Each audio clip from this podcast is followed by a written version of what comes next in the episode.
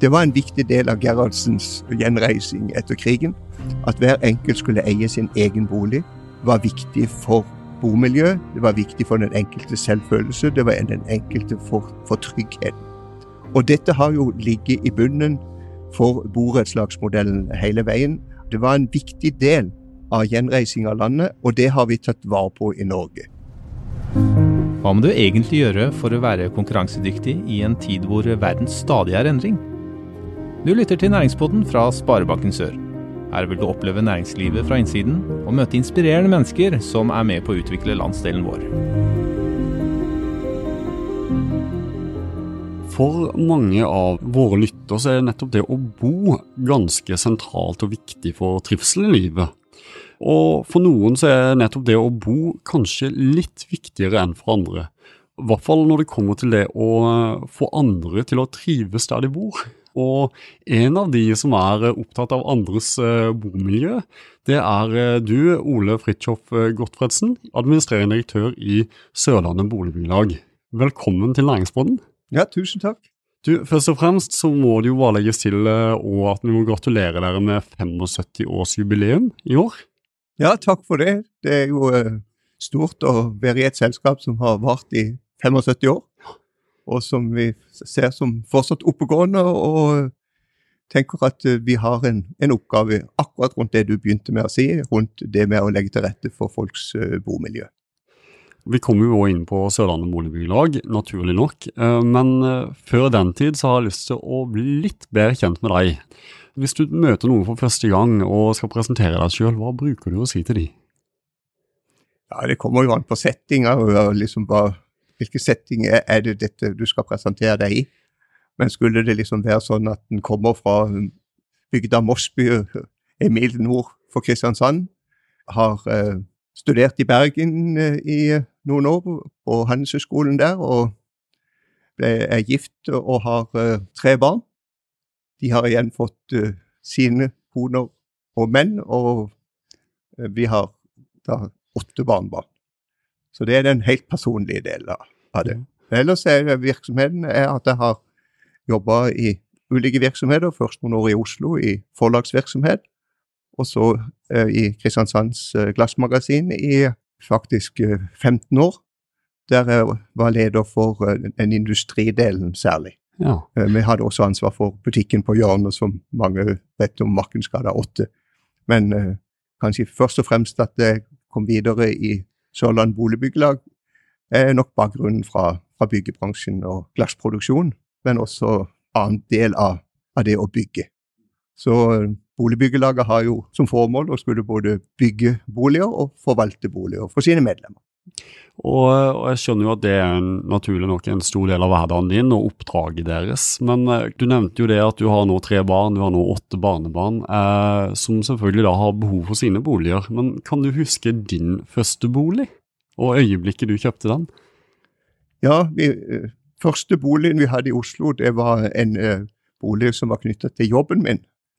Selvfølgelig et veldig pluss da, men egentlig en ulempe i det lengre perspektiv, fordi at uh, det var i de årene der prisene gikk veldig opp. Så det var først når vi flytta tilbake til Kristiansand at vi kjøpte vår første bolig på Søm. Og uh, i åtte år så, så, bygde vi vår egen bolig også på Søm. Og der bor vi fortsatt. Vi er altså ikke kommet i leilighet som boliger som vi forvalter. Og så er det jo sånn at Dere forvalter, men dere utvikler jo også boliger i eh, Sørlandet Boligbyggelag. Kan du fortelle meg hva som er så interessant med nettopp det oppdraget du eh, står i, i, front for å gjøre? Ja, vi, vi, tenker jo at vi legger til rette for, for hjemmet. Altså, du kan ikke selge et hjem, men du kan legge til rette for et hus som kan bli et hjem. Så vi tenker at det vi arbeider med, det er å legge til rette for det gode bomiljøet og kanskje akkurat nå i, i dette året så er det jo veldig spesielt, der hjemmet også blir arbeidsplass. Der hjemmet blir en mye større del av, av ens uh, hverdag. Det er viktigere kanskje å, å ha et, uh, et, godt sted å bo. Og, og uh, fra Sørlandet Boligbyggelag så er det jo som du sier, vi legger til rette for nye boliger. Men vi legger også til rette for rehabilitering av boligmassen. Vi har altså ca. 7000 boliger som er i borettslagsmodellen, og som der medlemmer bor. Men vi har også en rekke boliger som er innenfor eierseksjonssameie, altså en, en, annen organisering av, av, boligselskapet. Så vi har ca. 11 000 boliger som, som, vi forvalter. Og da er det klart det er mange utfordringer. Stort sett så, så hører vi ikke noe, men i noen tilfeller så, så, må vi hjelpe til for at det skal bli greit.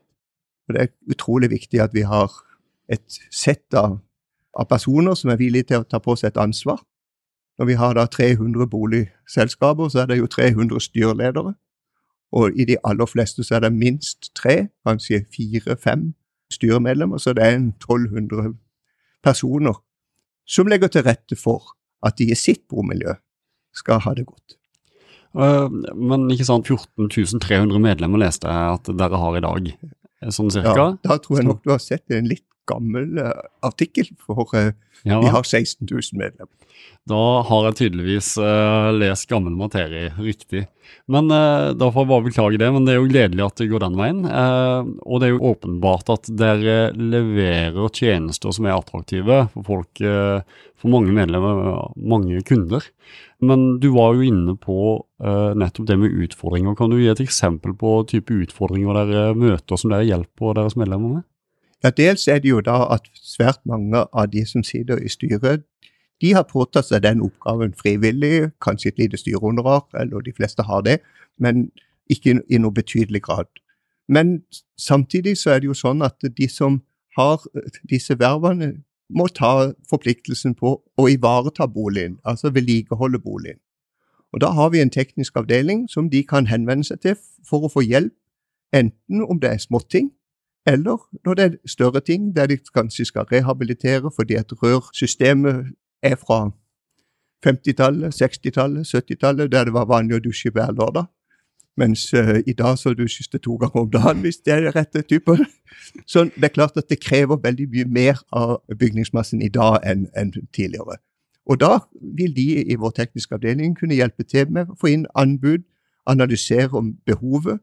Men det kan også være at en vil gå videre, f.eks. å utnytte balkongene bedre. Svært mange av balkongene var mer sånne luftebalkonger der du kunne henge ut dyner. Og så måtte du kanskje gå forbi hverandre med at alle måtte reise seg hvis den eneste skulle inn. Mens i dag så er det en balkong på 12-15 kvadratmeter alminnelig, og gjerne større. Og det å da etablere nye balkonger, gjerne innglassede balkonger for å forlenge sesongen, er jo også en viktig del av, av det å legge til rette få den gode boligen. Mm. Du snakker jo litt om perspektivet her, for det, det, har jo skjedd mye med behov Det er jo en behovsendring her, hvor, eh, hvor, du har den lille balkongen som blir til den store balkongen med glassvinduer, som du nevner. La oss ta tida litt tilbake, da. Dere er 75 eh, år i år. 1945 var da Sørlandet Boligbyggelag, eller den gang var det nok et annet navn. Du eh, har det navnet eh, starta. Hva var det behovet den gangen, kan du fortelle litt om det, som gjorde til at et boligbyggelag var nødvendig? Ja, det var jo en politisk eh, beslutning rundt dette med hvordan skal landet bygges etter krigen. Altså 75 år, det betyr jo at vi er fredsåret, og det ble da starta mange boligbyggelag i fredsåret og året etter. Obos, som er det eldste jeg starta på tidlig 20-tall. Men uh, denne beslutninga om hvordan skal landet bygges, var egentlig det som var, var grunnen. Og um, for Kristiansandsområdet så, så ble det etablert et selskap av noe som heter Kristiansands bolig- og byggelag. Og så tok det faktisk uh, fem år før de første kunne flytte inn. Jeg har jo sjøl besøkt uh, Margot uh, Nesse som var blant de som tegnte seg for å kjøpe en bolig. Hun tegnte seg i 1947, hun og mannen, og flytta inn på det første borettslaget som ble bygd i Kristiansand, i St. Olavs vei 13, der uh, de flytta inn i 1950. Og de brukte de årene fram til fra 47 til 50 år å spare 2000 kroner, som var innskuddet den gang. Så måtte de delta i en fellesgjeld, som mener å huske at var på 35 000. Og de brukte mye av sin inntekt til å spare til den første boligen. Og sånn ble boligene bygd. Og det som nok var hemmeligheten for at det ble så mange som kunne bygge og kjøpe sin egen bolig, var denne organisasjonsmodellen borettslag, der boligen blir et pantobjekt. Og Det gjør at uh, den enkelte måtte selv finansiere innskuddet, og så var det Husbanken som finansierte resten, og så måtte de påta seg forpliktelsen med å betale rente og avdrag på det.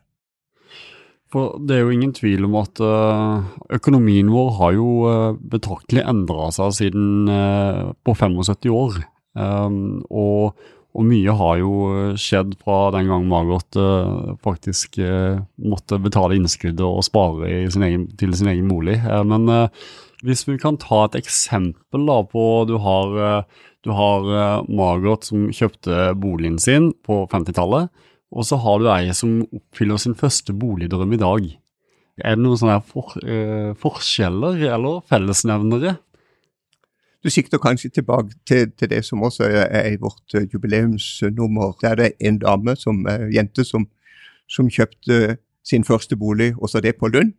Og der hun kunne bruke sitt medlemskap, som hun egentlig bare hadde hatt i en måneds tid, og få en forkjøpsrett på den boligen sin.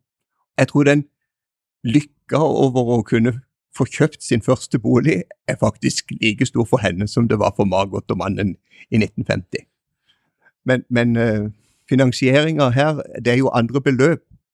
Hvis en kommer over på det, det politiske, eller det med tilrettelegging av prisnivået i Kristiansandsområdet, så har det jo vært sånn at vi har ikke hatt den enorme prisveksten som har vært i østlandsregionen, Oslo-regionen. Så det fortsatt er, er mulig for unge i etableringsfasen å kjøpe sin bolig. Det har jo vært en god del forskning på dette i det siste. Det er jo noe som heter sykepleieindeksen, og som, som da viser at i Kristiansandsområdet så har de siste tiårene ikke vært vanskeligere sett i forhold til økonomien å kjøpe en bolig i dag enn det var for ti år siden. Så kan en lure på er dette riktig, men iallfall statistikken som er laget rundt dette, den forteller det.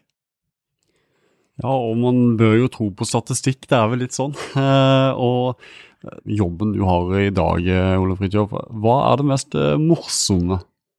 Jeg syns det er veldig flott når en kan se at, at, den type selskap som vi har, som er et boligbyggelag, og som er kanskje er et, et type selskap som, som er fremmed for folk. Hva, hva, er det egentlig for noe? Det er ikke et aksjeselskap.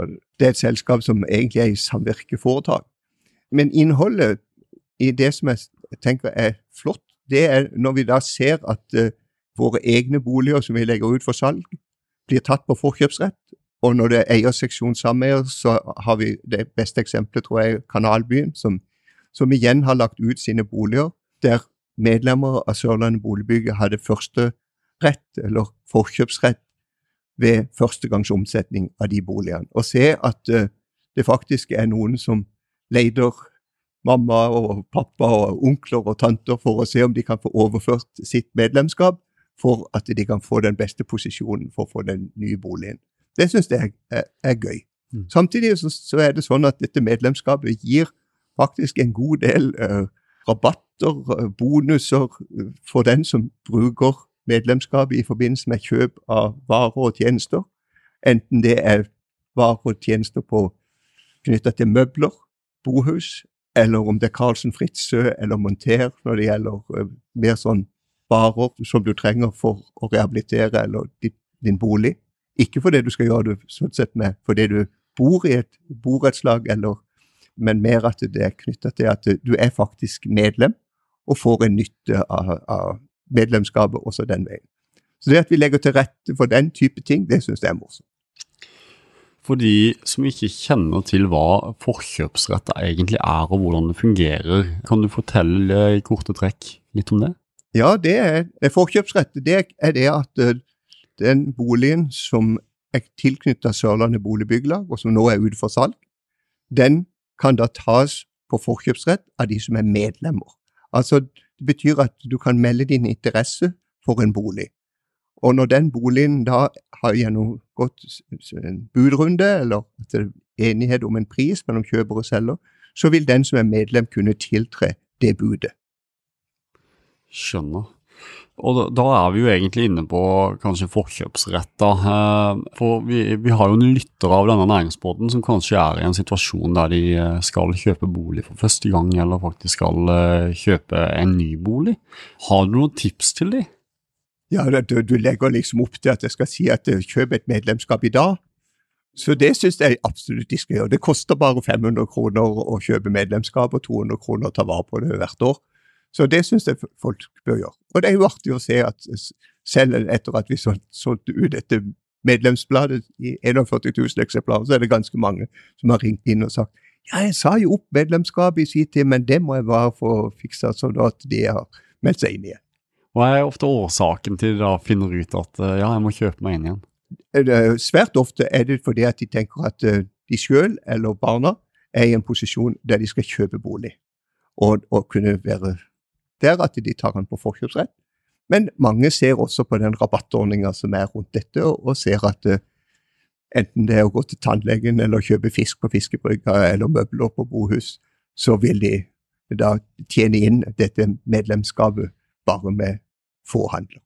Så er det, jeg har bitt meg merke i det at eh, det er kanskje litt sånn spesielt for Norge at det er så utrolig mange som eier sine egne boliger. I utlandet og Paris eh, blant annet og Frankrike så hører en gjerne om eh, at alle leier, og så eier noen få.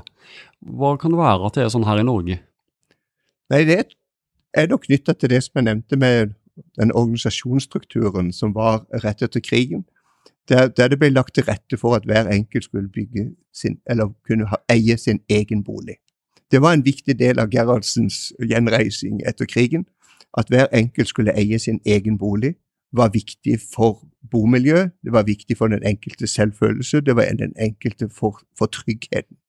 Og dette har jo ligget i bunnen for borettslagsmodellen hele veien, at innskuddet skal ikke være så stort.